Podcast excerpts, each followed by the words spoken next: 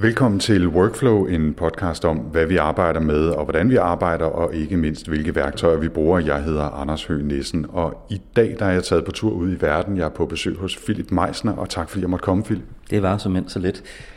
Philip er en, øh, en gammel, eller en tidligere kollega, skulle jeg måske sige, fra DR, og det kan sagtens være, at man synes, hans stemme virker bekendt. Det kommer vi tilbage til. Først vil jeg bare ultrakort fortælle, at øh, grund til, at jeg er kommet på besøg her hos Philip, er, at vi skal tale om automatisering af hjemmet, lyd og lys og alt muligt andet. Vi skal kigge på store elpaneler og den slags. Og så skal vi også tale om, hvordan man planlægger den slags, og måske om, øh, om øh, øh give noget inspiration til folk, der gerne vil trække nye ledninger og sætte nye kontakter i deres øh, huse og lejligheder osv. Men Philip Meisner, hvem er du, hvis vi sådan begynder med, hvad du laver i dag, så kan vi altid grave os tilbage. Ja, lad os gøre det. Og, og til at starte med, fordi det er jo en meget fin karakteristik, du egentlig kommer med, at jeg er en gammel kollega, men ikke gammel på den måde.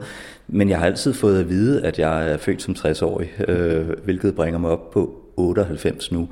Øh, og øh, jeg er øh, ansat som øh, chef på et øh, bibliotek. Øh, jeg står for musikfilm og spilafdelingen på Frederiksberg Bibliotek hvor jeg har nogle øh, søde medarbejdere, der øh, prøver at finde nye måder, vi kan formidle på i en verden, hvor, hvor bogudlån, spiludlån, filmudlån, alle de her ting er for kraftigt nedadgående. Der er så mange tilbud derude, og vi prøver at se på, hvordan kan vi så gøre det i stedet for.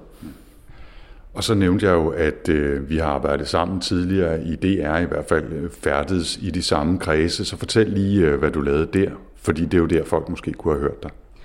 Ja, altså hvis jeg siger, at radioavisen var oplæst og redigeret af Philip Meisner, så, så er der muligvis nogen, der har, har hørt det før i hvert fald. Jeg var på radioavisen i en del år og blev så senere dagredaktør for PET, og det var en stilling, hvor jeg blandt andet skulle holde sådan nogen som dig i ørerne, hvor tiden måske lige pludselig øh, blev ændret for jeres program. Øh, du var jo været på harddisken dengang, og det kunne være, at der var en regeringsrokade, der, der lige skulle øh, ud med et pressemøde, og så skulle man altså gøre jeres program kortere. Der var også en hel masse, sådan, øh, nu hedder dit program, øh, eller din podcast her jo Workflow, og hele det her workflow, der er på en kanal, hvor der er omkring 50 forskellige programmer i løbet af en uge, der er relativt mange ting, man kan holde styr på der. Øh, tekniske udfald, øh, whatever, der kan gå galt der. Ikke? Så det, det var mig, der prøvede at holde lidt styr på det indtil for et års tid siden, da jeg stoppede. Ja. Øh, og så kan vi konkurrere om, hvem der er mest P1. Øh, du sagde, hvad du var blevet født som 60-årig, ja. og min, min øh, udgave af det er, at jeg altid har været professionelt gammel. Øh, og og det, det, det er det, man, man er, når man laver P1. Ikke? Ja, det, ja. Øh, nu skal vi ikke grave dybt i din, øh, din professionelle historie, men du har jo faktisk en, en karriere i DR øh, bag dig. Hvordan kom du ind i DR i, i, jeg skulle sige, i gamle dage? Jamen, det er næsten gamle dage, fordi vi, vi er helt tilbage i, i 94, hvor jeg første gang satte sat mine ben i DR.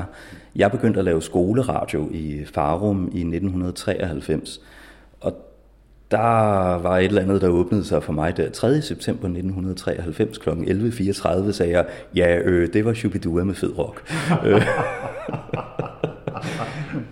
og, og, og, og hvordan det lige endte med at, at blive 13 år i DR, der har jo selvfølgelig været mange øh, forskellige sving øh, derimellem, ikke? Men, men, men den der radioverden, den åbnede sig for mig lige der. Jeg havde i forvejen været meget interesseret i, i teknik, øh, og havde mit eget lille sådan hjemmestudie, hvis man kan kalde det det, med en 600 kroners mixerpult, som lød af pommeren til. Øh, men, men det blev meget tydeligt for mig, at det her det var en verden, jeg ikke kunne holde mig fra. Og selv da jeg, da jeg tog HF for de, de sidste skoleår, og så derefter HF og så videre, jamen så, så var det bare noget, der hele tiden fyldte, og jeg lavede lokalradio øh, i, i al min fritid nærmest. Øhm, og jeg vidste godt, at jeg skulle ind i DR, og hvis vi så lige spoler tilbage til det der første år, så, så havde jeg allerede der fundet ud af, at jeg skal da i erhvervspraktik i, øh, i DR. Så der kom jeg i erhvervspraktik. I, øh, det var på Københavns Radio i 1994. Året efter var jeg i praktik på P4 i P1, øh, som lukkede, jeg tror det var i 95, men jeg nåede lige at, at, at, at få det sidste med der. Og det, det var bare en, en, en fabelagtig verden, og, og der var jeg 100% sikker på, at jeg kommer til at ende i, den her institution, som, som DR var. Ikke? Øhm, og så er der jo selvfølgelig noget uddannelse derimellem, noget journalistuddannelse, og nogle få måneder inden jeg var blevet færdiguddannet, så, så endte jeg faktisk med at blive ansat på radioavisen. Og det var mit drømmejob, og i virkeligheden så, tror jeg, jeg uddannede mig til at blive vært på radioavisen, når jeg sådan tænker tilbage. Øh, der var et eller andet fascinerende over den øh, lyden, øh, troværdigheden, Øhm, og det, øh, jeg ved ikke, om det var for at give mig selv en ekstra stjerne på skulderen der, eller, eller, eller hvad der gjorde det, men, men, men jeg elskede det job, altså helt vildt. Men øh, omvendt er jeg jo også en type, hvor der skal, hvor der skal ske noget andet en gang imellem, og øh, øh, derfor gav det også god mening at, at prøve forskellige ting i, øh, i, i DR. Nu skal vi jo især i dag tale om teknik, øh, og jeg kan tease lidt og sige, at øh, der er mange smarte kontakter og et meget, meget stort elskab øh, herude, som vi skal kigge på lidt senere, men du snakkede lidt om, at du selv havde en mixer derhjemme, da du sådan begyndte på, hvad var det, hvad hed det, Farum Radio? Farum Skoleradio. Farum Skoleradio. Ja. Øhm, var det teknikken eller sådan din journalistiske interesse, der drev dig mod radio, tror du, i, i begyndelsen? Det har jeg stadigvæk ikke fundet ud af, og jeg ved faktisk ikke den dag i dag, hvad jeg bedst kan lide. Øhm, og, og det tror jeg også har præget de steder, jeg har været, fordi når jeg har været i journalistiske dele, så har jeg ikke kunne holde fingrene fra teknikken, og når jeg har arbejdet med teknik, har jeg ikke kunne holde fingrene fra, fra journalistikken. Øhm, og det, det var tydeligt allerede på Farm Skoleradio, fordi jeg begyndte jo som vært der den 3. september, og tænkte, ham teknikeren der, han har da ikke styr på ret meget. Altså, første gang, der, der, øh, der er det klart, der var det jo en helt ny verden for mig, men, men efter nogle gange, så tænker jeg, ah, men altså, hvis han nu fader lidt pænere ud der, og lige giver 20 sekunder til, at jeg kan tale ind over næste sang, og, og det, jeg, jeg synes ikke, det flød rigtigt, vel? Øhm, og så tænker jeg, at ah, jeg skal prøve det der teknik, og det er jo lidt lettere at gå fra at være speaker til at være tekniker på en lokal radio, fordi der er måske ikke helt så høje standarder på alle lokalradioer i hvert fald, og slet ikke på en lokalradio, der er drevet af skoleelever, som det her var i de større klasser. Men, men meget hurtigt så, så fandt jeg ud af, at den her teknik, den, den var altså også rigtig interessant. Øhm, og, og, og derfor så flyttede jeg jo altså ud på den anden side af ruden, om man så må sige. Og så havde jeg jo nogle værter, jeg skulle holde styr på.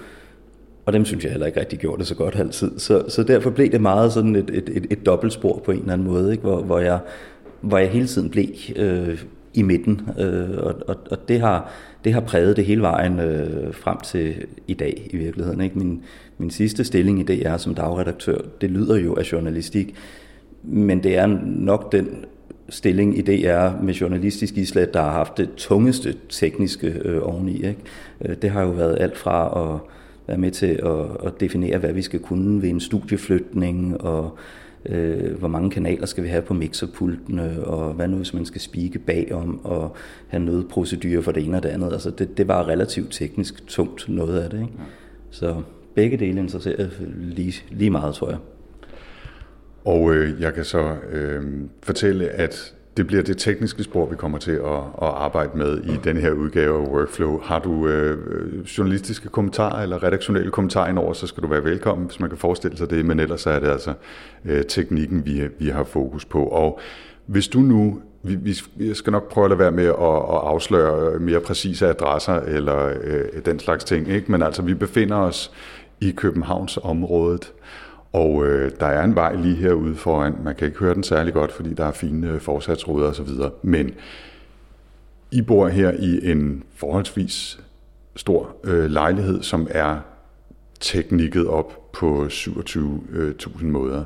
Hvis du sådan skulle beskrive det overordnet som projekt, hvad er sådan den, den store idé med det, I har lavet her? Altså, jeg, jeg taler nogle gange om at, at forgylde carporten, ikke? Øh, og det, er vel, det er vel nærmest det, der skete. Jamen, du, du kender sikkert det der, øh, både, både dig selv, Anders, og også øh, de kære lyttere, at nogle gange så, så skrider tingene bare for en i, i en eller anden retning, man ikke havde tænkt sig. Da vi flyttede ind her for tre år siden, der vidste vi godt, at, at der skulle øh, ny el, for eksempel. Ikke? Og, og når du alligevel graver alle væggene op for at lægge nye kabler og alle de her ting, så kan man lige så godt lægge nogle flere kabler. Ikke? Øhm, og, og, og det var der, det gik op for mig, jamen selvfølgelig skal jeg da også lægge lydkabler ind, og øh, netværkskabler, det er ikke sådan på den måde ualmindeligt at gøre, men det er det så måske i, i vore dage, fordi der er også øh, trådløs øh, eller wifi. Øhm, men jeg synes, det gav god mening også at, at tage det med, når vi nu alligevel var i gang, fordi der er flere og flere ting, der kæmper om godt nok mere plads, men, men det er altså også mere plads de forbruger, om man så må sige. Ikke? Et, et 4K-fjernsyn, som vel snart bliver standard, det kommer også til at trække relativt meget på, på netværket. Ikke? Så, så, så det var sådan meget tydeligt for mig, at jeg ville, ville gerne gøre det så ordentligt som muligt i den tid, jeg var i. Jeg ved godt, at om fem år, der er der mange af de her ting, som er uddateret. Men hvis man skyder lidt over målet, når man begynder, så er der da en chance for, at det holder lidt længere i hvert fald. Ikke? Øhm, og, og man kan vel sige, at vi har skudt over målet på nogle punkter. Øh, det er ikke fordi, jeg for eksempel ikke kan lide Sonos. Øh, de laver udmærkede produkter. Men de fleste, der ejer Sonos højtaler osv., har også hørt, at der er udfald en gang imellem. Øhm, og, og jeg har jo igen det der tekniske spor. Jeg, jeg, jeg gider ikke at høre musik, der, der er defragmenteret. Altså det, der skal være sådan en rimelig stabil strøm i det. Og derfor nåede jeg meget hurtigt frem til, at jeg skal have ledninger i, i mit hjem. Øh, så, så der ligger simpelthen øh, 12-16 par kabler i, i, øh, i, hver, øh, i hver væg nærmest. Ikke? Men, men nu afbryder jeg, fordi vi fortaber os allerede i detaljer, Philip, og det er fantastisk, fordi det er, jo, det er jo lige præcis det, vi har plads til. Men, men altså, da I først havde tænkt, og jeg ved ikke, hvem er der har drevet det mest, men det lyder umiddelbart, som om det nok er dig, ikke? Altså, da, da du først havde tænkt, okay, vi skal alligevel trække øh, ny el, vi kan lige så godt øh, kable hele skidtet op. Altså, var det lyd, der drev det? Var det ideen om, at du kunne tænde og slukke alle el, elkontakter fra alle hvide vegne i hele huset? Var det ideen om, at det skulle automatiseres, så lys og lyd øh, fulgte personen øh, rundt i lejligheden? Altså, havde du sådan en idé om det, eller var det drevet af, når vi skal skifte el, vi kan lige så godt øh, kable hele skidtet op? Det, det har i virkeligheden været meget af det hele for nu øh, ikke at svare på dit spørgsmål. Ikke? Øh, men, men for mig var det tydeligt fra, fra begyndelsen, at når vi alligevel laver ny el, fordi det, det var tydeligt, at det, det skulle der ske i den her lejlighed, øh, så, så var der også øh, nogle ønsker, som, som jeg havde øh, til, hvordan det her det skal fungere. Ikke? Jeg har hele tiden haft det sådan, jeg, jeg gider ikke alt for mange fjernbetjeninger liggende. Jeg er tekniknørd, men jeg går også op i, at tingene har en høj vaf, øh, og det ved lytteren forhåbentlig, øh, hvad det betyder, men det er jo i virkeligheden, hvor, hvor, hvor konevenligt er det at se på. Ikke? Øh, og, og det kan være, at jeg er lidt feminint anlagt lige der, fordi jeg gider heller ikke at se ret meget på teknikken, og alligevel er der jo så nogle steder, hvor den er synlig her. Ikke? Men jeg kan godt lide den her tanke om, at det hele er integreret, at jeg kan gå hen og, og trykke på noget, og så, så gør det det, jeg gerne vil have, uanset om det er lyd eller, øh, eller lys. Ikke? Øh, så, så i virkeligheden, så var det hele den der holistiske tanke, hvis vi kan bruge så fint et ord om, om, om strøm og højtalere, øh, om at de her ting, de skal bare smelte sammen på en eller anden sådan gnidningsløs måde. Fortæl øh, om et par af de ting, man kan gøre med det, I så har installeret her. Altså noget af det, der måske adskiller sig allermest, øh, nu har vi jo været lidt ind over, over lyden, øh, det er, at jeg har ikke fjernbetjener. Øh, noget af det, der er mest øh, forskelligt, det er i virkeligheden på lyden, som vi har været, været inde på før. Altså elsystemet ligner jo meget det, alle mulige andre har. Det er nogle lidt andre knapflader, fordi det er det, der hedder IHCL. Det står for Intelligent House Control. Øhm, men, men det er ikke ret mange, der kan styre lyden direkte fra deres knappaneler. Altså, man skal forestille sig, at der, hvor man sender lyset over spisebordet, jamen, der kan man nedenunder tænde for radioen, eller skifte over til fjernsynslyd, eller hvad man nu vil. Man skruer op og ned på det samme. Så, så lige over der, hvor man oplader sin mobiltelefon, der trykker man altså på de samme knapper til, til lyd, som man gør til lys osv. Så, videre. så, så det, er, det er flettet sammen på den der måde, at det er relativt usynligt i virkeligheden. Ikke? Det giver også nogle muligheder for at, at, øh, at, at kunne styre nogle ting, for eksempel hvilket rum øh, øh, er man i. Altså inde i, øh, inde i stuen for eksempel, der vil jeg jo altid gerne øh, høre fjernsynet som det første, når jeg, når jeg tænder der. Så det er det også sat op til, at når jeg tænder der, jamen, så er det i udgangspunkt fjernsyn, jeg, jeg hører. Øh, men jeg kan også skifte den over på BBC World, hvis jeg har lyst til det, direkte fra enten en fjernbetjening eller fra øh, det knappanel, der nu sidder på væggen, hvor man også tænder lys og alle de andre ting. Ikke? Så det, det er vel der, hvor det er mest synligt ved, at det ikke er synligt. ja, det er. Altså, når man går ind og, og kigger, så, øh, så man kan godt se, at der er lidt flere knapper over nogle af, af kontakterne, ikke? Øh, og at der måske også er lidt nogle andre symboler, end man er vant til at se, medmindre man bor i et meget moderne hus. Ikke? Men der er jo ikke noget på den der øh, kontakt med, med de seks knapper over, der siger, øh, tryk her for at spille BBC World, eller tryk her for at spille P1, eller overhovedet, at man kan spille lyd. Øh, og det er jo øh, noget af det fantastiske. Det er jo nemt sådan en lille, en lille gave, kunne jeg forestille mig at gå rundt og trykke på knapper og se, hvad der sker. Ikke? Men øhm, for nu lige at tage en lille tangent, du nævnte fjernbetjening. Har du så en eller anden stor master control fjernbetjening, eller er det styret via en PC og software, eller hvordan foregår det, når du sådan skal, skal, skal øh, ligesom bag om den enkle betjening? Der skal man, øh, der skal man på computeren, øh, fordi der er et, øh, et stort program, som ser ud som om det er ingeniører uden særlig interesse i brugervenlighed, der har lavet det. Det er øh. Ja. Vi skal forestille os her et, øh, et, et program, som øh, altså hver eneste lille funktion på sådan et anlæg skal jo have en eller anden form for funktionsblok, som det hedder. Så det vil sige, at jeg har nogle, i det her tilfælde, trådløse kontakter. Alle de kontakter, jeg har på væggene her, kører på et lille batteri, som holder i tre år eller sådan noget. Øh, og det vil også sige, at jeg kan placere dem, hvor jeg vil. Øh, men den skal så kobles til en lille funktionsblok, sådan så man ved, hvad det er, den skal gøre, den enkelte kontakt. Så det vil sige, at nu sidder vi her i, i mit køkkenalrum, og der er nogle lamper over bordet. Øh, der har jeg så været inde i mit program her og forbinde den trådløse kontakt, der hænger på væggen bag dig, Anders, med øh, en funktionsblok, der siger, okay, men når jeg trykker på den, så skal jeg skrue op og ned for lyset. Det er ekstremt uoverskueligt, fordi alle funktionsblokke ligner hinanden. Du kan give dem forskellige navne, men, men grundlæggende set, du kan ikke ændre farver, du kan ikke noget, noget som helst.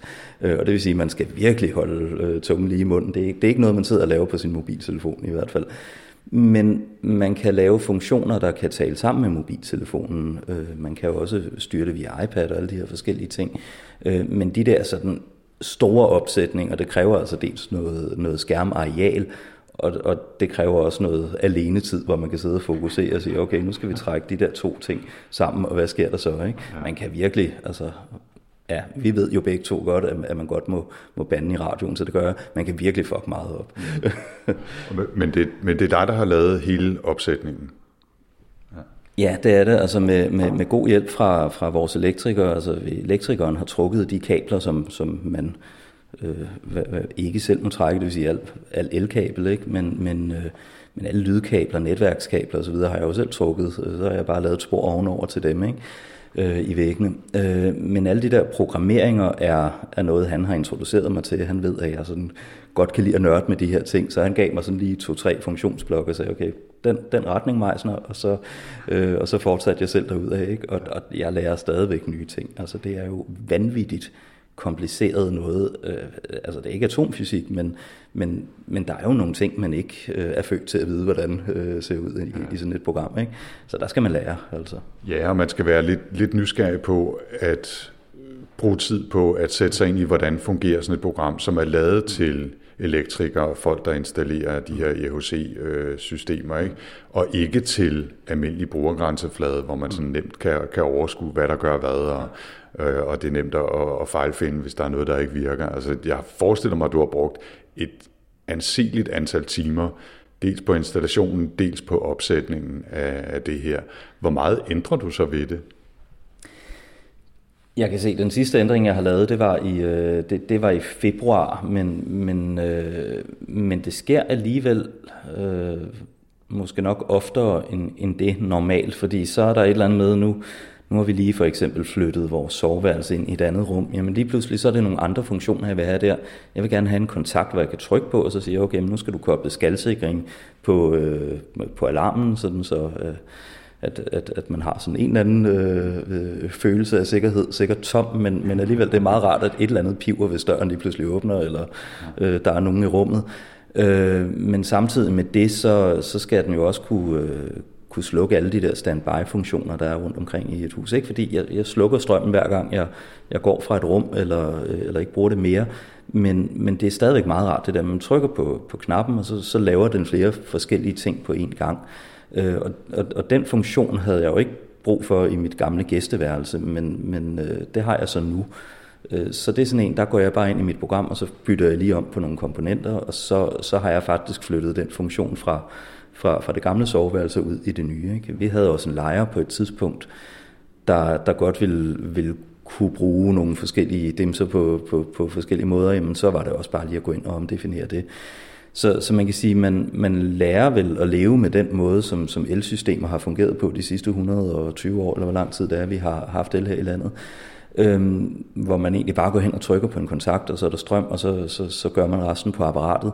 Men, men det er jo også ret fedt, at man har nogle muligheder. Øh, at alene den mulighed, jeg har for at kunne flytte en kontakt, øh, altså simpelthen de her knapflader, man trykker på for at tænde og slukke lyset. Altså hvis jeg vil have den inde i et skab, jamen, så putter jeg den ind i et skab, ikke? fordi det er bare at lige give den noget dobbeltklæb med tape, og så, så sidder den der. Ikke? Øh, det, det er utroligt bekvemt.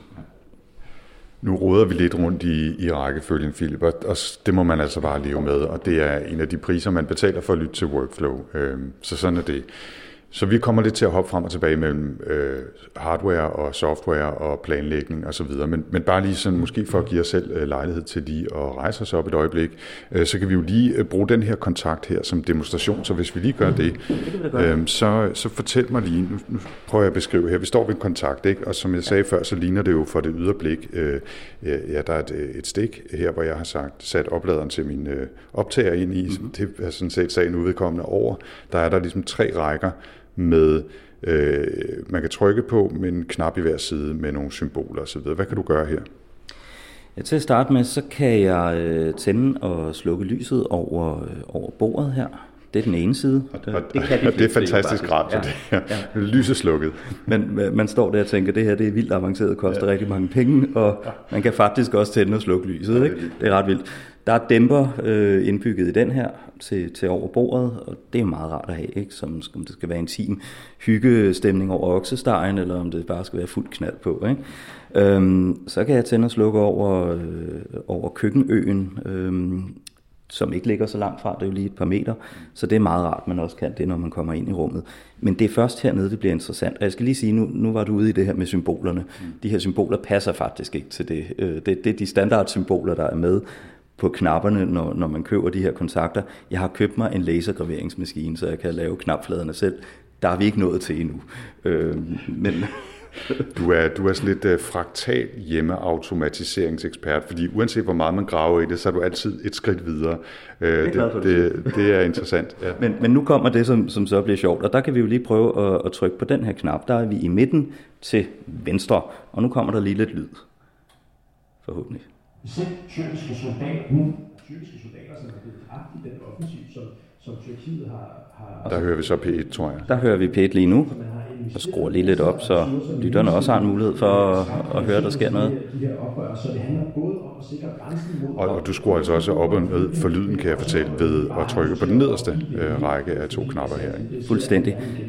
Skulle vi ikke høre noget BBC i stedet for? Ja, og beklager, jeg siger BBC i stedet for BBC. Det, det, det er et eller andet fra, fra radiofortiden. Der kan man så også skrue op og ned, selvfølgelig. Øh, man kan også høre fjernsynslyd. Nu er der ikke tændt for fjernsynet, men jeg kunne skrue op og ned for, øh, for, for de forskellige kilder her, vælge hvilken kilde jeg vil i, i hvilket rum det skulle være i lejligheden.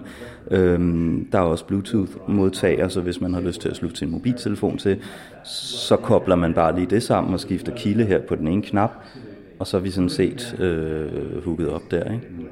Så, så det, er, det er det, det her blandt andet kan, som, som almindelige anlæg ikke kan. Og jeg skal sige, det her det er jo ikke standardkomponenter, fordi rigtig meget af det her har jeg selv måttet bygge om, for at komme til at, at kunne tale sammen med, med et elanlæg. Ikke? Mm. Øhm. Men, men i princippet er det altså øh, samme type kontakter, som I altså har siddende forskellige steder øh, rundt i lejligheden på strategiske steder, øh, som, som gør, at I kan betjene lys og, og lyd øh, og alarmer i virkeligheden også i det her tilfælde. Ikke? Ja. ja, det er det. Øh, og, og, og sådan en igen, øh, det, det er trådløse kontakter, så får jeg lyst til at flytte den, jamen så, så gør jeg bare det, ikke? Så, så er der lige nogle klæberester bagved, som jeg skal have fjernet, men det, ja, det, det, det er lidt lettere, end at skulle grave hullet ud. Ikke? Nu, nu sagde du før, Philip, at, øh, at selvom der er symboler på, så er det ikke nødvendigvis nogen, der passer decideret med funktioner. Der står heller ikke for eksempel BBC World der, eller P, uh, P1 uh, nogen steder. Det kan så være, at det næste gang jeg kommer, så, så har du laserindgraveret ting i knapperne, men, men øh, ellers så skal man jo i princippet lære, hvad ting gør, mm. når man har lavet det her system. Ja. Øhm, her har jeg så et, et, et, to, et dobbelt spørgsmål. Kan du selv huske, hvad alle de her øh, paneler og knapper gør, og kan den anden i husstanden, for nu ikke at afsløre for meget, øh, huske, hvad alting gør? Det er et interessant spørgsmål, og det svares bedst med et ja og nej. det er, øh, jeg har fået nogle, øh, det hedder vel på godt dansk, distress øh, opkald en gang imellem, hvordan, hvordan kan jeg egentlig tænde for fjernsynet, ikke? Nu er det ved at, at sive ind, øh, hvordan de her forskellige ting fungerer. Men, men det er klart, det er jo meget mere avanceret, og, og, og, og der er ingen tvivl om, at man kan hurtigere fare vild i noget, hvor man ikke kan... Øh, altså, dels er, at knapfladerne så ikke hvad hedder det, er graveret på endnu. Øh, men, men også det, at det har altså bare så mange funktioner, som man kan gå rundt og gå galt i. Ikke? Der, er jo ikke, der, der kommer ikke til at være en knap, hvor der står P1 og en, hvor der står BBC, fordi der er seks kilder. Så det man gør, det er, at man skifter mellem kilderne, og der er det jo noget med sådan at have en fornemmelse af, okay, når man, de kommer nogenlunde i den rækkefølge, men det er trods alt også kun seks. Du trykker frem indtil du får den kilde, du gerne vil have.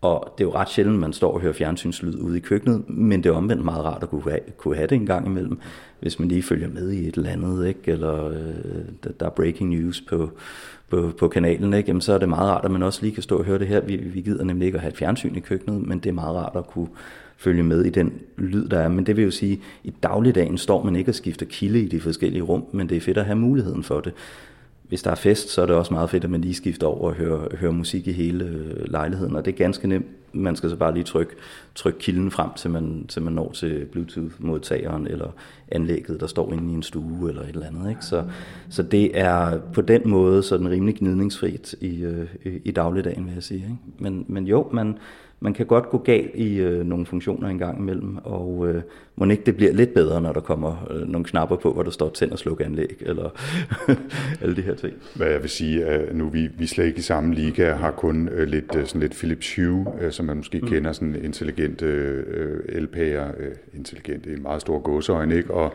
nogle trådløse knapper rundt omkring, og, og nogle, hvor man også skal sådan, øh, styre hvad er det for nogle lamper, der tænder, når man trykker på hvilke knapper på fjernbetjening og så videre. Og det er ikke helt de stress calls, jeg har fået, men jeg har i hvert fald engang mellem fået sådan en venlig henvendelse om øh, lige at, at navngive de der øh, lamper lidt, lidt mere logisk, og, og øh, hvorfor virker det pludselig ikke? Nå, det er fordi, vi har slukket over på hovedkontakten, og det skal man jo ikke gøre, og så videre. Så, så den slags i meget, meget, meget, meget mindre avanceret grad har jeg nu også oplevet. Ikke? Øh, jeg kan godt forestille mig, at det bliver værre, når man begynder udstyre hele lejligheden med den slags. Ja, og der, der er nogle flere ting i det, fordi øh, et er, at man måske kan fare vild i funktionerne, et andet er, at der er jo også generelt nogle flere fejlkilder. Øh, den måde, jeg kører det her på, altså radioen kommer jo ikke fra ingen steder, altså der, der sidder jo en radio ude i et skab, som tænder samtidig med alt det her. Øh, der ligger en mobiltelefon, der streamer BBC World, Øhm, og, og, og nogle gange mister de jo enten internetforbindelsen, eller whatever, der kan gå galt på vejen. Ikke? Og, og så kan man jo godt stå der og vide, om jeg har egentlig trykket rigtigt, men der er ikke noget hul igennem, så er det fordi UC lige har haft et nedbrud, og, og, og internettet er gået, og så står den der og kan ikke rigtig finde ud af at komme tilbage på sporet igen. Det er jo også virkeligheden alle mulige andre steder, men, men man kan sige, i og med, at det er mere skjult, og det ikke er radioen, du er henne og tænde på, sådan rent fysisk, du står foran din radio og kan se displayet, så skal man måske lige tænke, nå, øh, er det ude i skabet, øh, jeg skal kigge nu. Ikke? Øh, og det har jeg da oplevet et, et par gange her inden for det sidste års tid, at nå, der var lige et eller andet, man skulle, skulle tjekke op på. Så, så træerne vokser ikke ind i himlen, men jeg vil sige, i dagligdagen, der er det fedt at, øh, at have det skjult osv., men, men det er så også det, der er ulempen en gang imellem, når, når noget går galt. Og det er jo kun en opfordring til alle producenter om at levere nogle ting, der er lidt mere stabile, fordi så fungerer det her også bedre. Ikke? Men øh, ja. Det, det svarer jo, altså jeg har fuldstændig samme oplevelse på det lidt lavere niveau, øh, jeg befinder mig derhjemme, og så er det jo en fuldstændig parallel situation til computer og generelt, altså de kan meget mere, de er super meget mere avancerede, men det introducerer også flere potentielle fejlkilder, og lige så meget fantastisk man kan få ud af dem, lige så meget ekstra tid skal man være parat til at bruge i frustration over, at tingene ikke virker, og man ikke kan finde ud af, hvorfor det ikke virker, og så videre, og så videre. Og det, altså, hvis man synes, det er sjovt, er det jo fantastisk, så er det jo bare i gåsøjne en ny hobby, øh, som jo opfylder begge Dan Turals karakteristika ved hobbyer. De skal være et, tidskrævende og to, dyre. Øhm, og, men på den anden side, hvis man ikke synes, det er sjovt at rode med, så kan det være ekstremt frustrerende, at ting ikke bare sker, som man er vant til, når man trykker på en kontakt, øh, eller står foran en radio og drejer på, på vælgeren og så videre. Ikke? Det var en eller anden indtale, som jeg ikke rigtig ved, hvor kom fra. Jeg tænkte på, det her, nu hvor vi står op, om i virkeligheden skulle, øh, skulle lige kigge på, på skabet, som er hjernen i det hele, måske. Øhm, skal, skal vi uh, hugge dig uh, af her? Uh, ja, nu, der er jo batteri. På, altså nu, jeg kan fortælle uh, bag kulissen. Der er herude. Ja, det, det, det tænker jeg. Øhm, og, og der sidder en lille batteripakke bag på optageren. Hvis lyden pludselig øh, falder ud her, så er det altså så er det af den grund. Og nu, nu trykker jeg lige stop, så jeg ved, at vi har det her, så trykker jeg optag umiddelbart efter. Ikke? Ja, lad os prøve at se, om vi kan finde noget, noget mere strøm et andet sted. Det kan være, at du må, du må tage, så, så vi ikke risikerer at rise. Ja. Og, øh, se. Og der står vi jo så foran et, øh, et, et skab med spejllåger, som er helt fra gulv til loft i hele rummets øh, bredde her. Det er jo faktisk en entré, kan man sige. Ikke?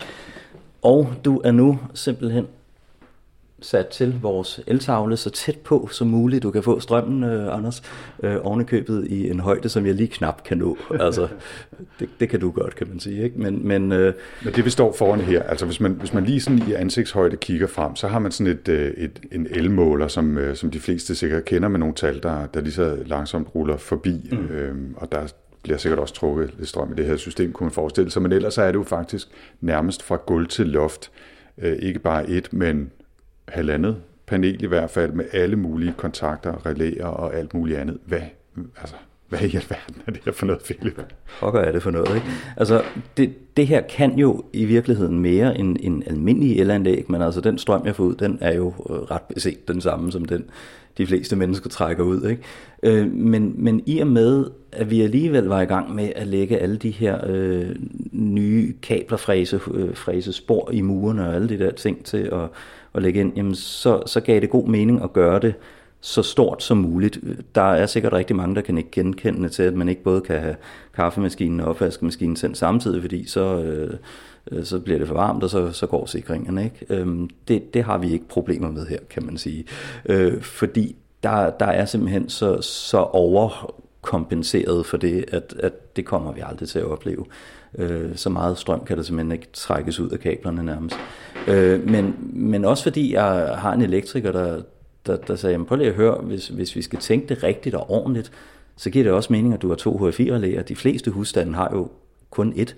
Øh, men han siger, men altså, hvis nu det ene går, og du rent faktisk har fejlstrøm på det ene, øh, på det ene anlæg, eller på det ene relæ, jamen så er det ret ufedt, at du ikke kan bruge resten af dit hus. Så der er nogle ting der, som, som er delt op, sådan så at, at nogle lysgrupper øh, kører på det ene, og nogle kører på det andet. Så det kan godt være, at jeg lige pludselig ikke har loftslys i, i, i lejligheden, men så har jeg så til alle de andre lamper, der er sluttet til almindelige øh, stikkontakter. Øhm, så, så, så det var hans måde sådan lige at sige, jamen okay, når vi alligevel tænker stort, det koster ikke mere, og, og det kostede 100 kroner mere eller sådan noget at få et ekstra relæ i, øh, men, men han synes, det gav god mening. Mit, mit køkken er der, øh, ja, der er også gået lidt amok der. der det, det er en lang historie, det kan vi lave en anden podcast om, Anders, men, men vi har tre ovne, og, og, og, og øh, altså vores elektrikere tænkte, jamen, igen, vi har to H4-relæer, hvorfor ikke gøre sådan, at du altid har en ovn, der virker? Så længe der er strøm et eller andet sted i ledningerne, så kan vi have fejlstrøm her i huset, som ødelægger den ene del, men, men så har vi altid noget andet, der kan bruges. Og, og det kan jeg godt lide, den der tanke, at der er en eller anden form for ikke redundans, men i hvert fald et, et eller andet sikkerhedsspor i det, om man så må sige. Ikke? Ja, alting går ikke ned, hvis én ting går ned. Nej, det, det er altså meget rart. Øhm, men, men for at tage resten af det, man kan sige, den, den øverste del her, den ligner sådan i hovedsagen den øh, her for Jensen har, øh, måske med lidt flere knapper alligevel. Allerøverst, der sidder der en strømforsyning, og så sidder der det, der hedder en visual controller, skråstreg viewer, som er, hvad kan man sige, hjernen i IHC-systemet, altså den, der sørger for, at når jeg programmerer noget på min computer, så er det den her, der udfører det i praksis. Fra den her, der går der en helvedes masse kabler ned i, øh, i knæniveau, om man så må sige. Og der har vi så nogle, nogle komponenter, man i hvert fald ikke kender fra almindelige elinstallationer, og det er, øh, det, det er output-moduler og det er input-moduler. Output-modulerne, det er basalt set relæer, der slutter til, øh, når, man, når man trykker på en knap. Du kan prøve at holde mikrofonen derned, mm-hmm. og så kan vi lige prøve at høre, hvordan det lyder, når vi, øh, når vi trykker på en af de her kontakter. Der, der kan man høre noget, og det er altså ikke lyden af en, øh, en, den kontakt, du trykker på over på væggen, det er nede fra, øh, fra panelet her. Ja. Og, og det er ikke helt så tydeligt, når, når lågen er lukket, og man ikke står med øret lige ned til, øh, så, så man hører det ikke i dagligdagen. Men, men, men det vi hører der er jo, at man trykker på en knap, så øh, en af de her trådløse øh, knapper, der går op og kommunikerer med øh, controlleren heroppe og siger, okay, nu sker der noget her, du skal tænde eller slukke for et relæ, som er hernede i, øh, nederst i eltavlen det vil jo så også sige, at al den styring, der er her, den er jo central. Normalt, når man trykker på en, en kontakt derhjemme, så trykker man jo på noget, hvor, hvor, hvor strømmen går op til og er blevet brudt, eller sluttet, afhængig af hvilken stilling kontakten står i. Og, og når du trykker på den, så gør den så det omvendte, kan man sige. Ikke? Øh, enten slukker eller tænder.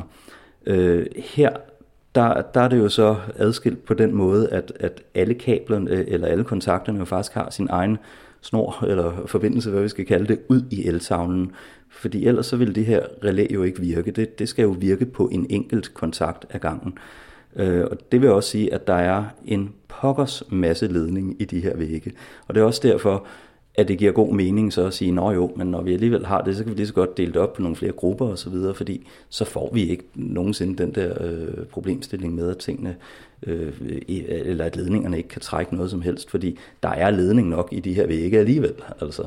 Det, er, det er nærmest ledning, der holder væggene oppe, det er, har jeg indtryk af. Ja. Jeg kan også øh, se øh, nedenunder det højre af de paneler her, der er en lille smule indblik i, hvor mange kabler, der egentlig er trukket. Der er både nogle meget store, tykke nogle nede i bunden, og så flere øh, lodrette kabelbakker med rigtig mange kabler, der er sat sammen med strips i, og i forskellige farver af muligt, så man kan se nogenlunde, hvad der har været. Ikke? Jeg har nogenlunde tal på, hvor mange øh, det drejer sig om. Jeg mener, at vi har 18 syvlederkabler, øh, altså elkabler med, med syv ledere i, og det vil jo sige, der går jo en til jord, og så går der en til nul, og så er der fem forskellige apparater, der kan styres på det. Men man kan også godt forestille sig, at hvis man nu skal have flere kontakter i et rum, flere end de fem, der skal kunne styres af sådan et anlæg her, jamen så skal man altså faktisk op og, og have et kabel til, øh, eller måske bare et med færre ledere i. Ikke? Øh, men, men derfor er der jo en hulens masse af, af den slags. Og hvis vi lige tager næste spor, fordi det er jo så ikke el, øh, men vi har jo også nogle, nogle gode tykke orange nogle, og det er, øh, det er netværkskabler, hvor vi bliver meget nørdet. Ja, det er vi jo faktisk. Du skal bare give den gas. Altså det er, det er kategori 7A øh, netværkskabel. Da jeg lagde det her, der var det ligesom det bedste, man kunne få, medmindre man skulle have, have optiske kabler til internet. Optiske kabler er lidt noget rod at arbejde med for sådan en som, som mig, der er, er rimelig god til elektronik, men altså, det, det bliver lidt noget hø at, at, at arbejde med. Og jeg vil sige, man er også rimelig langt, når man kører kategori 7A, og det er jo simpelthen med, hvor, hvor, hvor meget kraft kan, kan det her tage sådan rent øh, netværksmæssigt. Ikke? Øhm, så er der nogle hvide ledninger, noget af det, det går over til nogle IHC-installationer, altså det her styring af hele elinstallationen, for der ligger også nogle komponenter i, øh, i tavlen ved siden af. Noget af det er også øh, antennekabler, øh, der går et andet sted hen, hvor, hvor der ligger nogle splitbokse og så videre til, at man kan øh, ja, have, have antenneinstallation i de rum, man, man nu har lyst til. Ikke? Øh, så er der de sorte kabler her, det er jo i virkeligheden dem, der bliver interessante, fordi det er, det er balancerede kabler. Balanceret er en, hvad kan man sige, en, en slags lydledning, men hvor der ligger en, øh, en ekstra ledning i, og det har noget at gøre med den måde, man kan støjbegrænse øh, på. Der sker sådan en støjudligning i sådan en kabel, hvis man har det rigtige udstyr til det. Øhm, og, og dem har jeg trukket i hele lejligheden, fordi hvis jeg skal slutte en, øh, en, en højtaler til en aktiv højtaler, sådan noget med forstærkning i, eller øh, jeg kan måske også have en speakeropgave, og det kan godt være, at jeg vil kunne speake i et andet øh, rum, jamen så er det meget rart, at jeg har en boks derinde, hvor jeg lige kan slutte det til anlægget på kryds og tværs. Ikke? Så, så der, og, ja, og de kan bruges til mange andre ting, de kabler også selvfølgelig, hvis man lige har brug for en lille sensor eller et eller andet, der kan noget. Ikke? Så der, der er mange kabler, yes.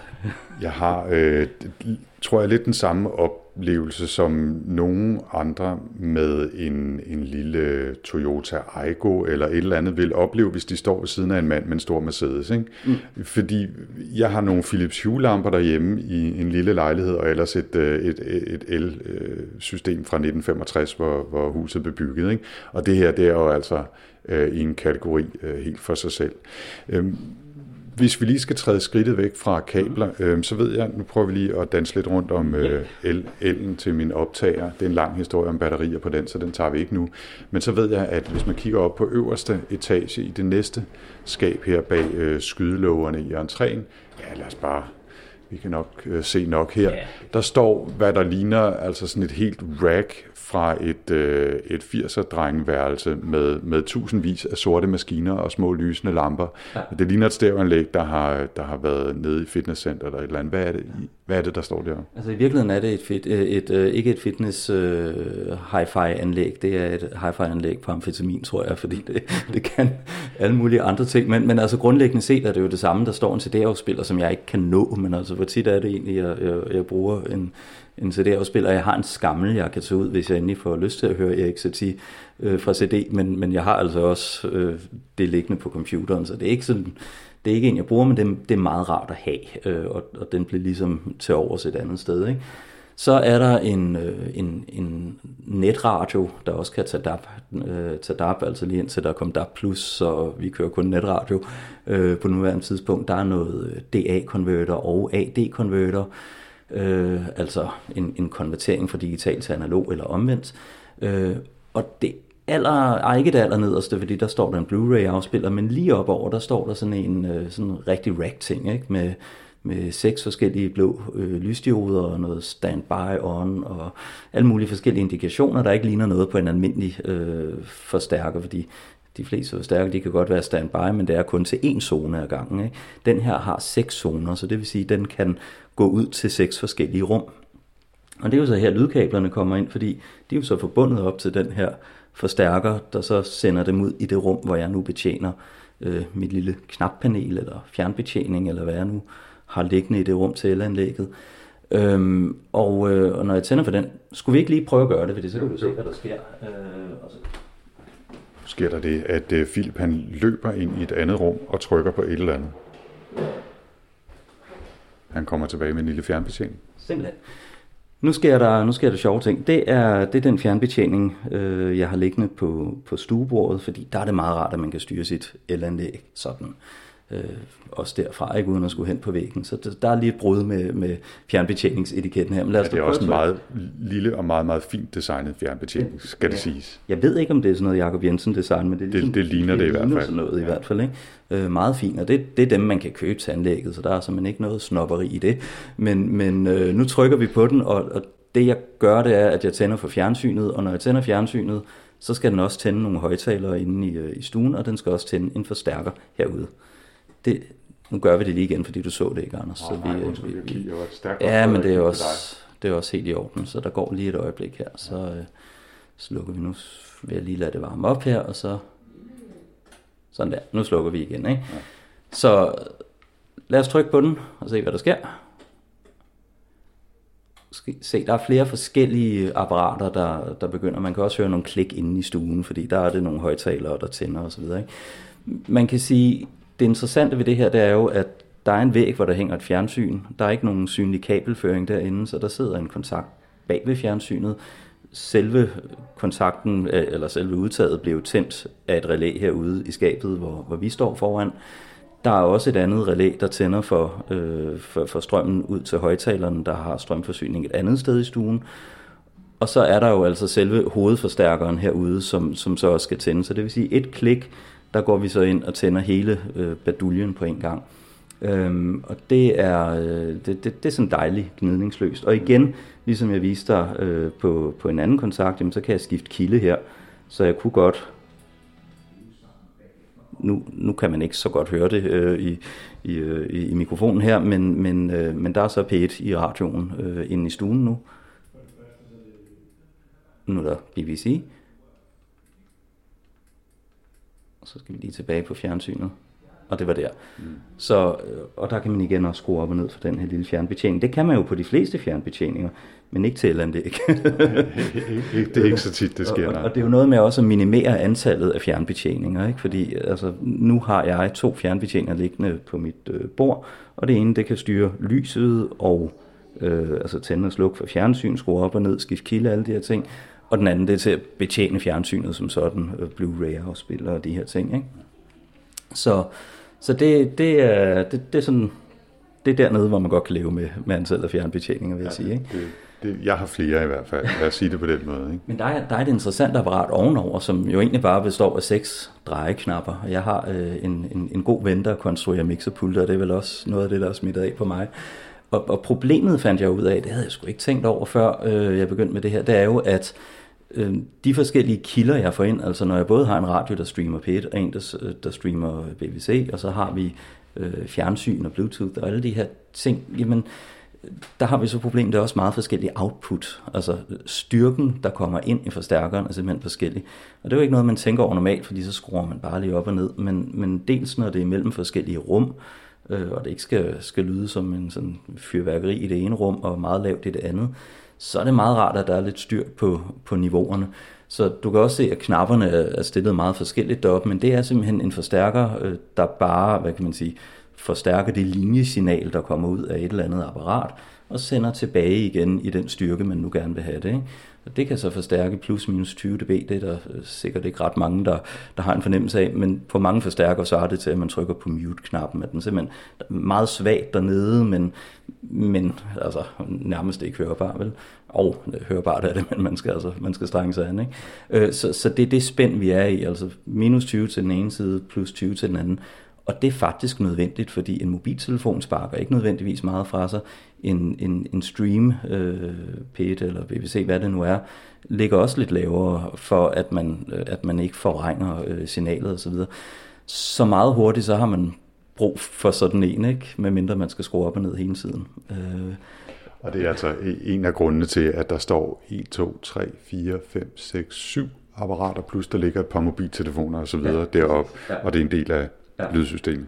Ja, altså det, det greb om så, ikke?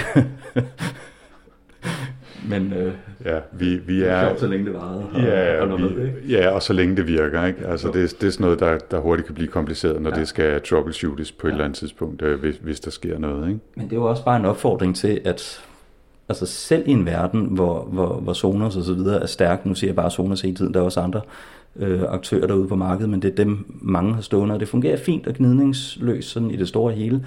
Men, men hvis man gerne vil have noget, der, der lavede de der sådan lidt mere integrerbare løsninger, så kunne det være ret fedt at få noget med nogle standardmoduler, som, som herre for Jensen også bare lige kunne øh, plukke til. Og, og det synes jeg nogle gange mangler i det der marked. Ikke? Der er også nogle problemer i, at, at når du har øh, seks zoner, så vil du måske stadigvæk gerne kunne slukke hele anlægget, for ellers så står det bare og futter standby-strøm af. Ikke? Øhm, og, og, og der er ikke rigtig nogen statusindikering af, hvad der er tændt. Ja, det vil sige, når du tænder for den, så er der jo en indikering af, at, at noget er tændt. Men hvordan for elanlægget, det er at vide.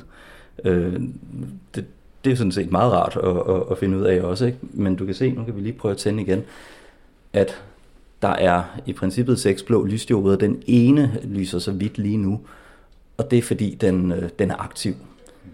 Men øh, når jeg så slukker for det her, så kan jeg i princippet kun slukke for zonen på forstærkeren. Det jeg gerne vil, det er, at jeg slukker for zonen på forstærkeren, og samtidig slukker alle de ting, der er tilknyttet, det vil sige højtalerne inde i stuen, fjernsynet, øh, og, og, og alle de elementer, der står herude øh, og, og bare forbruger strøm. Så der var heldigvis en udgang på forstærkeren til hver zone, der kan gøre noget. Den, den kan køre et lærred ned, eller hvad det nu er, man har brug for. Så der er sådan en whatever udgang, du kan bruge til, hvad du har lyst til. Øh, der kommer et eller andet 12, 12 volt fnid og fnader ud af den. Der byggede jeg et relæ på, der så kommer ind i, øh, i IHC-installationen øh, og siger, okay, jamen nu er den her zone aktiv, og så længe der er en af de seks zoner, der er aktive, så skal du have strøm på anlægget. Så kan jeg gå ind og tænde i den anden stue og sige, jamen nu hører jeg her. Hvis jeg så i mellemtiden slukker inde i fjernsynsstuen, jamen så vil der stadigvæk være strøm på, fordi en af de her input-moduler eller et af de her input-moduler får stadigvæk noget, der indikerer, at det hele er tændt. Ikke? Nu er der ikke andet tændt end fjernsynet nu, så jeg slukker, så ser det sådan her ud. Du kan se, først så bliver lysdioden blå lige et splitsekund, og siger, hov, nu er der ikke brug for, at jeg er tændt mere, så slukker hele anlægget. Så det, altså, det, det, det er uordentligt det andet, ikke? ja, ja, i høj grad uordentligt. Jeg forstår godt, ja. at du har brugt, uh, brugt tid og kræfter på at, at få det sat op sådan. Det vil også genere mig, men jeg vil ikke have evner til at gøre noget ved det overhovedet. Philip, øh, skal vi, skal vi rykke tilbage til, til køkkenbordet, øh, nu hvor vi har stået og, og været imponeret af panelet, og igen får man lige det lille kig bag kulissen, af, fordi jeg er lidt usikker på min, min nye optager og dens strømniveau, så laver vi lige en lille kunstpause, mens vi flytter øh, stik. Ja, så er vi rykket tilbage til, øh, til køkkenet, og, øh, tager lige sådan en sidste afrunding, fordi vi kunne, nu siger jeg sidste afrunding, det kan hurtigt øh, stikke af, ikke? Altså, øh, vi kunne også snakke meget sikkert om, om kilder, øh, og højtalere og tv og alt muligt andet forbrugerrettet, men nu handler det her altså om automatisering og sammenkobling af alle de her elementer i, i det, man i det her tilfælde i hvert fald godt kunne kalde det intelligente hjem. Philip, vi har hørt om det afsindigt komplicerede software med blokke. Vi har hørt om din planlægning og fræskabler ind i væggene. Vi har stået og kigget på den fantastiske eltavle og anlægget derude og hørt lidt af, hvad man kan med, med lys og lyd her. Jeg har i hvert fald to ting, jeg godt kunne tænke mig at spørge om. Den ene er, hvorfor ikke bare altså Sonos eller Philips Hue eller hvad de hedder, de der sådan lidt mere forbrugervenlige, mere eller mindre smarte systemer til el og lyd, som man kunne bruge. Hvorfor er det ikke godt nok? For, jamen, det er også godt nok. Nej, der var noget, der sagde lyd. der var noget, der sagde lyd. Det var en, en vaskemaskine, og øh, det er, nu skal vi jo ikke reklamere nødvendigvis, ja, det må man vel faktisk godt i, her, det måtte vi ikke, det er. Man må Så- nævne ting, der Ja, er vigtige. altså det, det faktisk, synes jeg, er en super god øh, vaskemaskine. Jeg er glad for, at det er en, det, det er en LG. Folk, der har LG-vaskemaskiner, kender den her øh, hyggelige lille lyd, øh, som man desværre ikke kan slå fra, men øh, sådan er det. Men Jamen for at svare på spørgsmålet, så, så var det, øh, så, så, så er tingene, altså Philips Hue og, og alle de her øh, forskellige elementer, man kan købe Sonos og så videre, det er glimrende produkter, men, men der mangler noget helhed, og, og det er det, jeg godt kan lide. Altså vi lever i en verden, hvor, hvor, hvor det hele bliver nemmere at bruge. Altså man kan tage sin app, og så kan man styre alarmen, og man kan styre din øh, Philips Hue, øh, øh, og, og, og det fungerer jo super godt. Men det er ligesom om, der mangler en, en integrerethed i det, altså en, en, en integration mellem de her forskellige apparater. Øh, nu er der stadigvæk ting, jeg mangler på, på, på mit øh, anlæg her, ikke? Men, men nu har jeg kigget lidt på markedet. Jeg vil gerne have nogle, nogle øh, termostater, der selv lige øh, går et par grader ned, når, når, når man forlader øh, hjemmet. Og, og det giver jo meget god mening, at man både kan sætte alarmen til, og samtidig, øh, ligesom, altså der, der er en logik i, at når du slutter alarmen til, så er der nok ikke nogen hjemme. Så giver det meget god mening, at termostaterne også lige sænker et par grader, hvis det er det, man har lyst til. Og det kan man jo så måske koble sammen med andre faktorer, som jamen, hvor koldt er det egentlig derude? Ikke? Fordi hvis det nu er sindssygt koldt, så kan det godt være, at du egentlig bare gerne vil have, at den, den står og fyrer op så længe. Ikke? Øh, men, men du kan godt få trådløse termostater, der kan styres af din, af din telefon, og der er som en, vist nok også en knap, hvor du kan sige, okay, nu, nu går jeg, så nu skal du lige øh, dæmpe dig lidt. Ikke?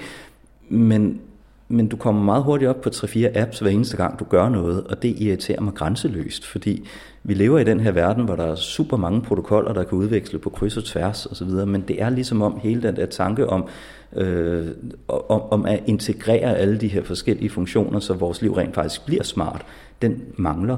Og du kan også sige, jamen, det, det har også været mit mantra i mange år, om du har en smartphone, den kan sindssygt mange ting, men hvor tit er man ikke til et møde, hvor telefonen ringer midt i det hele. Øh, der findes jo faktisk apps derude, der kan sige, okay, når jeg, er til, når jeg er til møde, og det er et møde i den og den kalender, eller ud fra disse forudsætninger, det kan godt være, at jeg er til møde om aftenen, hvor det ikke gør noget, men i hvert fald mellem 9 og 16, eller hvornår jeg er på arbejde, der, der, der skal jeg så gå i lydløs øh, modus, når, når, jeg, når jeg får en kalendernote, ikke? Øh, som, som popper op på skærmen. Det er igen det der med, at vi har en masse teknologi, men hele måden at bruge den på er stadigvæk relativt dum, om man så må sige. Ikke? Jeg kan godt lide tanken om, at jeg kan trykke på en knap, slutte alarmen til, øh, slukke alt lyset, øh, termostaterne lige øh, dæmper et par grader. Ikke? Øh, det, det synes jeg er super lækkert, øh, hele den tanke. Ikke? Men der fik du faktisk øh, svaret på det, der var mit andet spørgsmål, som, som var, hvor ligger øh, sådan den, den teknologiske udfordring, eller hvad kunne du godt tænke dig som næste skridt? Ikke? Og øh, det ømme punkt er jo lige præcis det der med, at det er svært at få tingene til at tale sammen. Og selvom vi har tiltag som HomeKit og hvad ved jeg, så er der stadigvæk meget langt til, at man bare kan købe nærmest et hvilken som helst apparat, koble det til. Det kan være et overvågningskamera, der kan sidde uden for døren, eller en termostat, eller noget, der styrer vaskemaskinen, eller de tre ovne, var det tre ovne, der var, øhm, eller toasteren, eller hvad pokker det nu er. Øh, og, og det findes bare ikke endnu, og det er, siger pessimisten i mig, det er nok tvivlsomt, om det nogensinde kommer. Ikke? Så i, i, til nogle ting bliver man nok altid nødt til at hive en ekstra app øh, frem, hvis man vil kontrollere. Ikke? Mm-hmm. Ja. Men, men, men hvad er, altså, hvis du nu skulle udvide dit uh, drømmescenarie her kort, uh, hen imod mod slutningen, ja kort, det er sgu lige meget, du taler så meget, du har lyst til, Philip, men altså, hvad, hvad vil drømmescenariet være? Du har beskrevet lidt af det, men hvad, hvad kunne være næste skridt i hvert fald? Jamen, jeg synes jo faktisk allerede, at det er blevet meget, som I gerne vil have det. Jeg nævnte jo det her med, at, at det kunne være fedt også lige at få nogle termostater, der, der, var, der var styret sammen med det her øh, elanlæg. Ikke? Og det, det er jo igen noget med, at så skal jeg til at, at bygge et eller andet om, sådan, så de ligesom kan få noget, noget, noget input eller output fra, øh, fra det her anlæg, ikke? Sådan, så de ved, hvad de skal gøre, uden at jeg skal øh, åbne en app. Fordi det, det synes jeg egentlig forstyrrer mig mere nogle gange. Ikke? Så kunne jeg lige så godt gå rundt lige og dreje på alle termostaterne, synes jeg. Ikke? Øh, men jamen, det, det lyder tosset, men, men det er ikke fordi tingene nødvendigvis skal blive nemmere øh, for mig. Det, det er ikke derfor. Det er ikke fordi jeg ikke gider rejse mig fra sofaen. Det, det er det der med, at jeg godt kan lide at udnytte alle de muligheder, der er øh, i systemerne. Og de gør så tilfældigvis tingene nemmere en gang imellem. Oven i købet måske også pænere, øh, når man ikke har alle mulige dem så stående frit fremme. Ikke? Øh, men så, altså et ønske om, at, at, at det bliver nemmere at integrere, det, det er jo så det ikke, men, men øh, det kræver bare stadigvæk rigtig meget, at man bygger nogle ting om, så, så, så der skal jeg lige nå frem til, øh, hvordan jeg gør det, og hvad det skal være. Og der begynder jeg nok med de der øh, termostater. Ikke? Men jeg havde jo faktisk et problem lige her i morges. Du nævnte selv kaffen på et tidspunkt. Ikke? På en eller anden måde, så har vi fået skubbet til den knap, der er på kaffekværnen, sådan, så den lige pludselig stod og spyttede øh, det meste af 300 gram kaffe ud på en gang. Øh, og det var lidt irriterende. Ikke? Øh, det er jo sådan en tidsindstilling. Og så stod jeg der og tænkte på, jamen øh, egentlig så kunne jeg også bare styre tiden øh, via mit øh, elsystem, fordi den har jo ligesom en kontakt derinde, som så er tændt øh, hele tiden, men måske kunne jeg bare lade den være slukket, og så sige, nu trykker jeg på en knap på øh, ved siden af, hvad hedder det, ovnen her, ovn 2. øh, og når jeg så har trykket på den øh, knap, jamen så er du så tændt i, i 17 sekunder, eller hvor lang tid det tager at lave til en kande kaffe. Ikke? Men man kunne også lave en, der hedder, du trykker lang tid, så laver du til en hel kande, men måske har du kun lige brug for en, en halv kande til dig selv, jamen så skal det bare være halv tid, ikke? så trykker du kort, øh, og ellers så trykker du langt, hvis du skal have en hel kande. Ikke? Det, det er sådan noget, jamen på en eller anden måde kan man lige pludselig fjerne nogle irritationsmomenter, hvis man kan tillade sig at kalde det det. Det, det er meget et ilandsproblem, ikke? Men, men, men det er også rart det der med, at, at man har en maskine, der enten hurtigt får stillet på knappen, eller som måske er lidt termisk følsom, altså lidt afhængig af vind og vejr, så kommer der 50 gram eller 48 gram ud, og det er da måske egentlig meget rart, at det bare sådan er styret fuldstændig. Altså, det, det, man kommer meget hurtigt til at lyde lidt, lidt, lidt nazi når man siger de her ting, ikke? Men, men, og det skal ikke forstås på den måde, men, men jeg kan bare godt lide, at de her ting, de sådan fungerer gnidningsløst, og man ikke lige pludselig står og har spyttet for meget kaffe ned i der, ikke? Øh, altså. jeg, jeg, jeg skal holde mig fra øh, min, øh, min lyst til at grave lidt i, hvorfor det er så vigtigt øh, for dig, det her. Det, det, det kan vi eventuelt tage en anden gang, eller få slukket mikrofoner. Jeg, frøjt, øh, jeg, jeg, siger ikke, jeg siger ikke mere. Jeg vil bare sige, at, at jeg, jeg synes jo, øh, de her tanker, du fortæller om, og det du allerede har gjort, er helt fantastisk. Jeg er alt, alt for doven og øh, uteknisk til at, altså på det lavpraktiske niveau med, med strøm og kabler og relæer og lod, øh, hvad hedder det, loddekolb og så videre, alt for upraktisk til, at jeg vil kunne få det op at virke. Så jeg drømmer bare om, at nogen en dag får det til at virke. Mm. Fordi jeg kan rigtig godt lide ideen om, at jamen, man centralt kan styre ting, eller at man næste skridt kunne være at sige, hey, øh, øh digital assistent, øh, lav 50 gram kaffe, øh, og så, så gør den det af sig selv. Altså, eller man kan gå hen og trykke afhængig af, man vil. Altså, når det bliver så integreret. Mm. Men det kræver endnu flere ting, der taler sammen øh, på tværs, og der er standarder, og det hele er koblet op og så videre, og der er endnu større risiko for, at det vil være umuligt at rode ud igen, hvis, øh, hvis tingene først øh, går galt. Ikke? Men det er i hvert fald en, en drøm, jeg også kan dele. Sidste spørgsmål om dit automatiske hjem her, øh, Philip, eller jeres øh, automatiserede lejlighed her. Planlægger du alting lige så omhyggeligt og i lige så mange detaljer, som, øh, som du har gjort med jeres øh, intelligente hjem? Altså, der, der er det vigtigt strategisk måske her at få fokus lidt væk fra Freud igen og den anale fase. Ikke? Så, så, så, så af princippet er jeg nødt til at sige nej, men, men, øh, så, men nogle ting gør jeg. Altså, øh, det, det kommer an på, hvad det er. Det er ikke alle ting, der er vigtige. Man kan sige, lige i det her tilfælde, grunden til at gøre det, det er jo fordi, dels kan jeg godt lide, at at det fungerer godt og gnidningsløst og alle de der ting.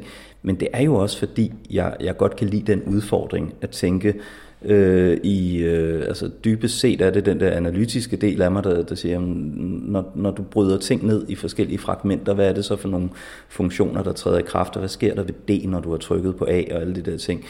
Øh, så, så, så det her udspringer jo også af, at jeg synes, det er skide sjovt at sidde og rode med, med sådan nogle ting her. Ikke? Øh, og planlægge det. Det er jo ikke alle ting, jeg selv har kunne lave. Øh, hvad hedder det? Så jeg kunne tænke, øh, hvad jeg ville, og så har elektrikeren øh, gjort det. Ikke? Altså de der lavvold ting kan jeg jo selv sidde og lave, men, men ikke det, det store tunge derude, vel? Øh, så, så der er nogle ting, jeg bare synes er sjovt op i hovedet at gøre. Øh, og, og nogle projekter er væsentligere end andre. Øh, så, så jeg vil sige, jo, generelt planlægger jeg ret meget, når, når det er nødvendigt. Hvis jeg skal en, en tur til, vi, vi var en tur i Israel for, for, for nogle år tilbage, og noget af det værste, det er jo at stå et sted, hvor man, hvor man lige pludselig begynder at spille den tid, man egentlig skulle nyde dernede. Altså en del af ferien er også, at man, at, at man laver nogle sving på vejen, som man ikke havde regnet med. Men, men det er også ærgerligt at have planlagt hele sin dag, og så er det jødiske museum lukket om mandagen, eller hvad, hvad det nu er. Ikke? Øh, og, og, og derfor kan jeg godt lide, at sådan nogle ting, de er skitseret hjemmefra. Man behøver ikke nødvendigvis holde sig til planen, men når man laver en plan, så, så har man også en mulighed for, altså man kender rammerne, og så kan man bedre stikke af fra de rammer igen. Så det giver noget frihed i den anden ende.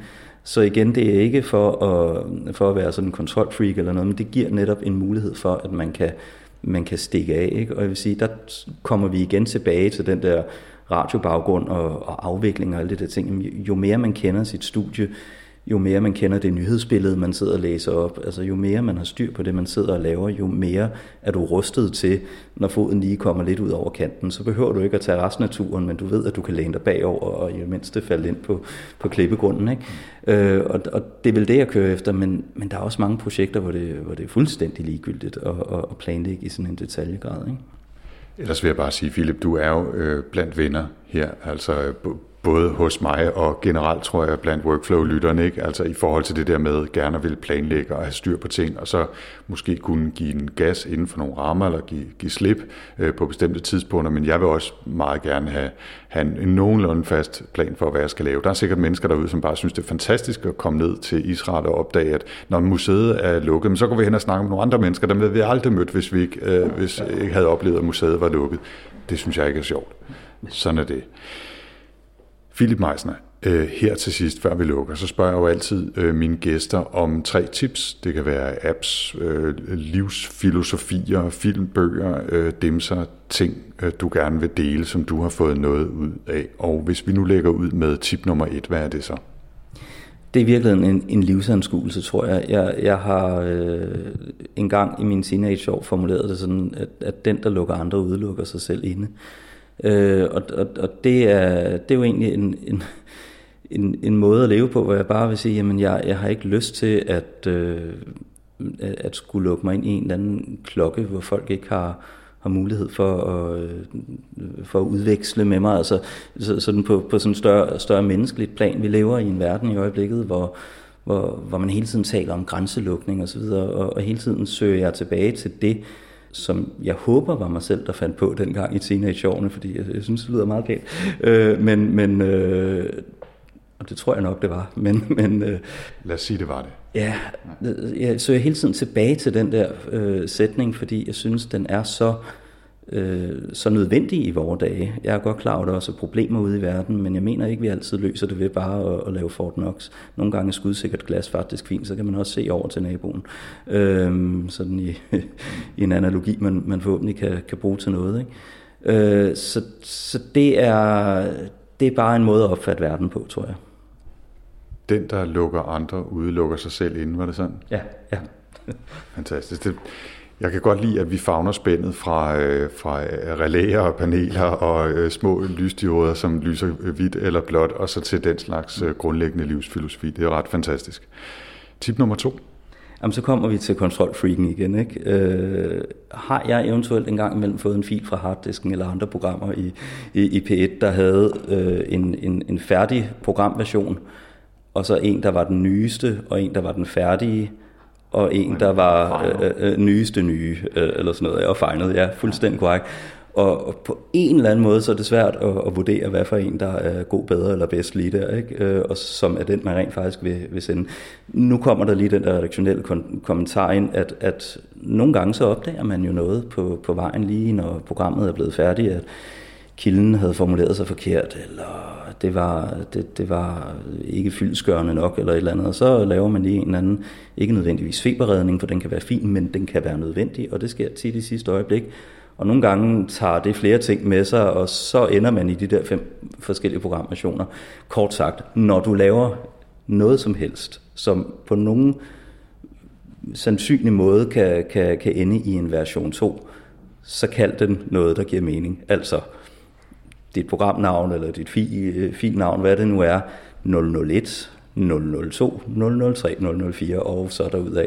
Det er vigtigt med nullerne jo, ikke? fordi ellers så er det ikke alle maskiner, der, der lige læser det rigtigt, og så bliver der blandet op på, på, på 10 og 1 lige pludselig. Ikke? Øh, men, men det er bare noget, som, jamen det lyder som en lille banal ting, men det er virkelig et sted, hvor man kan gøre livet nemmere for sig selv og sin omverden en gang imellem. Jeg har også sagt det til hustruen, som, som læser til fødevareingeniør på DTU. Der er jo altså også mange forskellige opgaver, som en gang imellem lige skal justeres i sidste øjeblik, og, og der ser man fuldstændig samme billede som øh, blandt øh, journalister og andre øh, typer, ikke? at øh, det, det bliver et stort råd lige der. Så navngiv fortløbende og og en, som man så må sige, fra gang til gang. Ikke?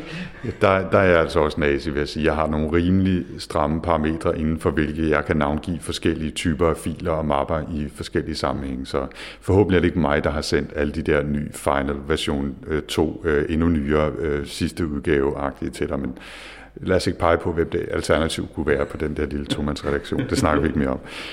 Philip, tredje og sidste tip forløbig der har jeg virkelig været i tvivl. Ikke? Øh, og, og der tror jeg, vi kommer til gadget-delen. Øh, hvis ikke jeg har fået anbefalet nogle gadgets undervejs her. Ikke? Men du, du pegede derover, var det toasteren, du øh, pegede på derovre? Jeg tror, det var. Ja. Det er jo ikke en toaster, øh, Anders Høgh Det, der, det er jo en vakuumpakker. Øhm, ja, ja, selvfølgelig er ja. det det. Ja, ja, øh, jeg prøver desperat at lede efter en undskyldning for, hvad det ellers var, jeg pegede på, men har jeg så rent ja. ryddet det, der, der står ikke andre apparater ud over det her kaffemaskinen og så en rørmaskine, det kan jeg trods alt godt gen. Okay, det er en vakuumpakker selvfølgelig, ja. fordi du også har en subit garanteret. Nej. Øh, der, der bruger jeg så min dampvogn, fordi den, den kan egentlig... Øh, altså over nummer tre. Øh, præcis, ja. yes. ja, øh, igen, ikke? Ja, det, det, jeg håber ikke, det er en sygdom, men altså. Mm-hmm. Øh, men, men en vakuumpakker er et fabelagtigt instrument. Øh, jeg opdagede det for nogle år siden, da Lidl havde en undskyldning af en vakuumpakker øh, i butikken, og jeg købte en, og det er noget med at svejse tykkelsen og så videre ikke var god nok, så den kunne ligesom ikke rigtig holde til, at noget var vakuumeret. Vel? Øh, men, men det gav mig blod på tanden til at sige, okay, hvad kan en professionel vakuumpakker så rent faktisk gøre? Ikke? Og sådan en koster altså ikke øh, sindssygt mange penge. Det, vi, jeg tror, min kostede 2.000. Øh, og man kan få nogen øh, fra 1.000 op efter, som er glemmerne. Øh, men det er bare noget med dels det fødevarespil, der, der er i øjeblikket, man er meget bange for, for emballage, og, og det kan jeg godt forstå, fordi der er også mange steder, når du skal ned og købe champignon, hvor det ikke giver mening, at, at der også er en stor papdims med grafik rundt om noget, der er folieret i en plastikbakke. Det, det, det, det er sgu dumt for at sige det på godt dansk. Mm. Øh, men omvendt så er fødevarespil altså også øh, noget, der til dels kan undgås ved at emballere tingene ordentligt. Og når vi for eksempel øh, laver noget her og, og, og vakuumerer det, jamen, så giver det altså en, en, en øget holdbarhed. Øh, Øh, det gør også for eksempel gulerødderne, hvis man lige øh, skralder til en hel dag, og det skal jeg understrege, det er altså min hustru, der er hurtigt til at skralde det. Altså når jeg får gulerødder, så er, det, så er det hende, der har været i gang. Men nej, hvor bliver de lækre og sprøde, når de så øh, er kommet i vakuum. Øh, posen, ikke? Øhm, det, det er dejligt, eller osten, der ligger og lugter i køleskabet, det gør den så ikke, når den er, er pakket der. Så det er dels noget med, at, at, at tingene ligger ikke og, og siver ud i pakken, øh, eller ud af pakken, og og, og, og det holder sig noget længere. Ikke? Øhm, og den kan selvfølgelig også, der er sådan en lille stus med, så man også kan sætte det på en flaske, så kan man have en vakuumprop, og så kan den lige suge alt ud der, så vinen ikke står og bliver øh, overildet, om man så må sige. Ikke? Nu gætter jeg på, at du ikke lige i hovedet kan huske præcis, hvad det er for en model. Mm. Altså det sjove er, at det kan jeg godt, men, men det er ikke fabriksnavnet. Øh, dem, jeg har købt den af, øh, som, som er et firma i, i, i Jylland, har, har opgivet en, en betegnelse på den, som, som ikke er det firmaet hedder, men den hedder Inox et eller andet, øh, nogen 30, så vidt jeg husker. Ikke? Øh, vi, vi finder et link og lægger det i show notes, så, så man kan se, hvad det er for en. Ja. Og ellers så vakuum pakker generelt lader til at være en okay anbefaling. Det, det er det nemlig, og, øh, og igen, man skal gå op i, at, at den kan svejse sådan relativt øh, tykt, om man så må sige, så den kan, kan holde. Ikke? Det, der kan du kende den gode fra den dårlige. Hvor mange liter luft den kan suge i minuttet, det er vel nærmere et spørgsmål om, hvor lang tid man gider at vente. Ikke? Så øh, livsfilosofi, øh, filnavngivning og en vakuumpakker. Jeg tror, det er den mest diverse række af tre tips, jeg har fået endnu i, øh, jeg tror det her det er 54, øh, episode 54 af, af Workflow, så tusind tak for det. Philip Meisner, jeg har taget alt for meget af din tid allerede, øh, og vi kunne lave en episode mere og snakke om alle de andre fantastiske pladespillere og højtalere og alt muligt andet, du har stående rundt omkring. Det må altså blive en anden god gang. For nu vil jeg gerne sige tusind tak, fordi jeg måtte komme og kigge. Tusind tak for glimrende, glimrende kaffe. Er der et sted, du gerne vil findes på det store internet, øh, hvor folk kan komme i kontakt med dig, eller øh, jeg anbefaler dig ikke her som konsulent til intelligente hjemopbygning, men det kunne være, at der var nogen, der var nysgerrige på et eller andet. Og, og jeg vil meget gerne være konsulent, øh, så, så det vil være fint, fordi igen, det er jo noget med at, at, at bruge hjernen. Øh, men øh, LinkedIn er, er egentlig det sociale medie, jeg er på. Jeg har hoppet af Facebook for mange år siden. Så LinkedIn, og der hedder jeg sjov nok Philip Meisner, P-H-I-L-I-P. Det er godt. Der linker vi til også fra show notes, så kan man sikkert uh, søge dig frem. Jeg hedder potlab.dk på Twitter. Mit øh, personlige konto er 4nd3rs på Twitter, Anders, hvis man kniber øjnene sammen. Eller man kan finde mig via potlab.dk på det store interweb. Hvis man har forslag til fremtidige gæster eller emner her til podcasten, så er man velkommen til at skrive. Og ellers så kan jeg godt tease og sige, at ud over den her fine, fine snak, vi lige har haft i dag, øh, så er der også en håndfuld eller to andre meget fine gæster legnet op til kommende episoder, så jeg glæder mig i hvert fald. Men altså ikke mere i denne omgang. Tak til dig, Philip Meisner, fordi jeg måtte komme. Jeg hedder Anders Høgh Nissen. Tak for i dag.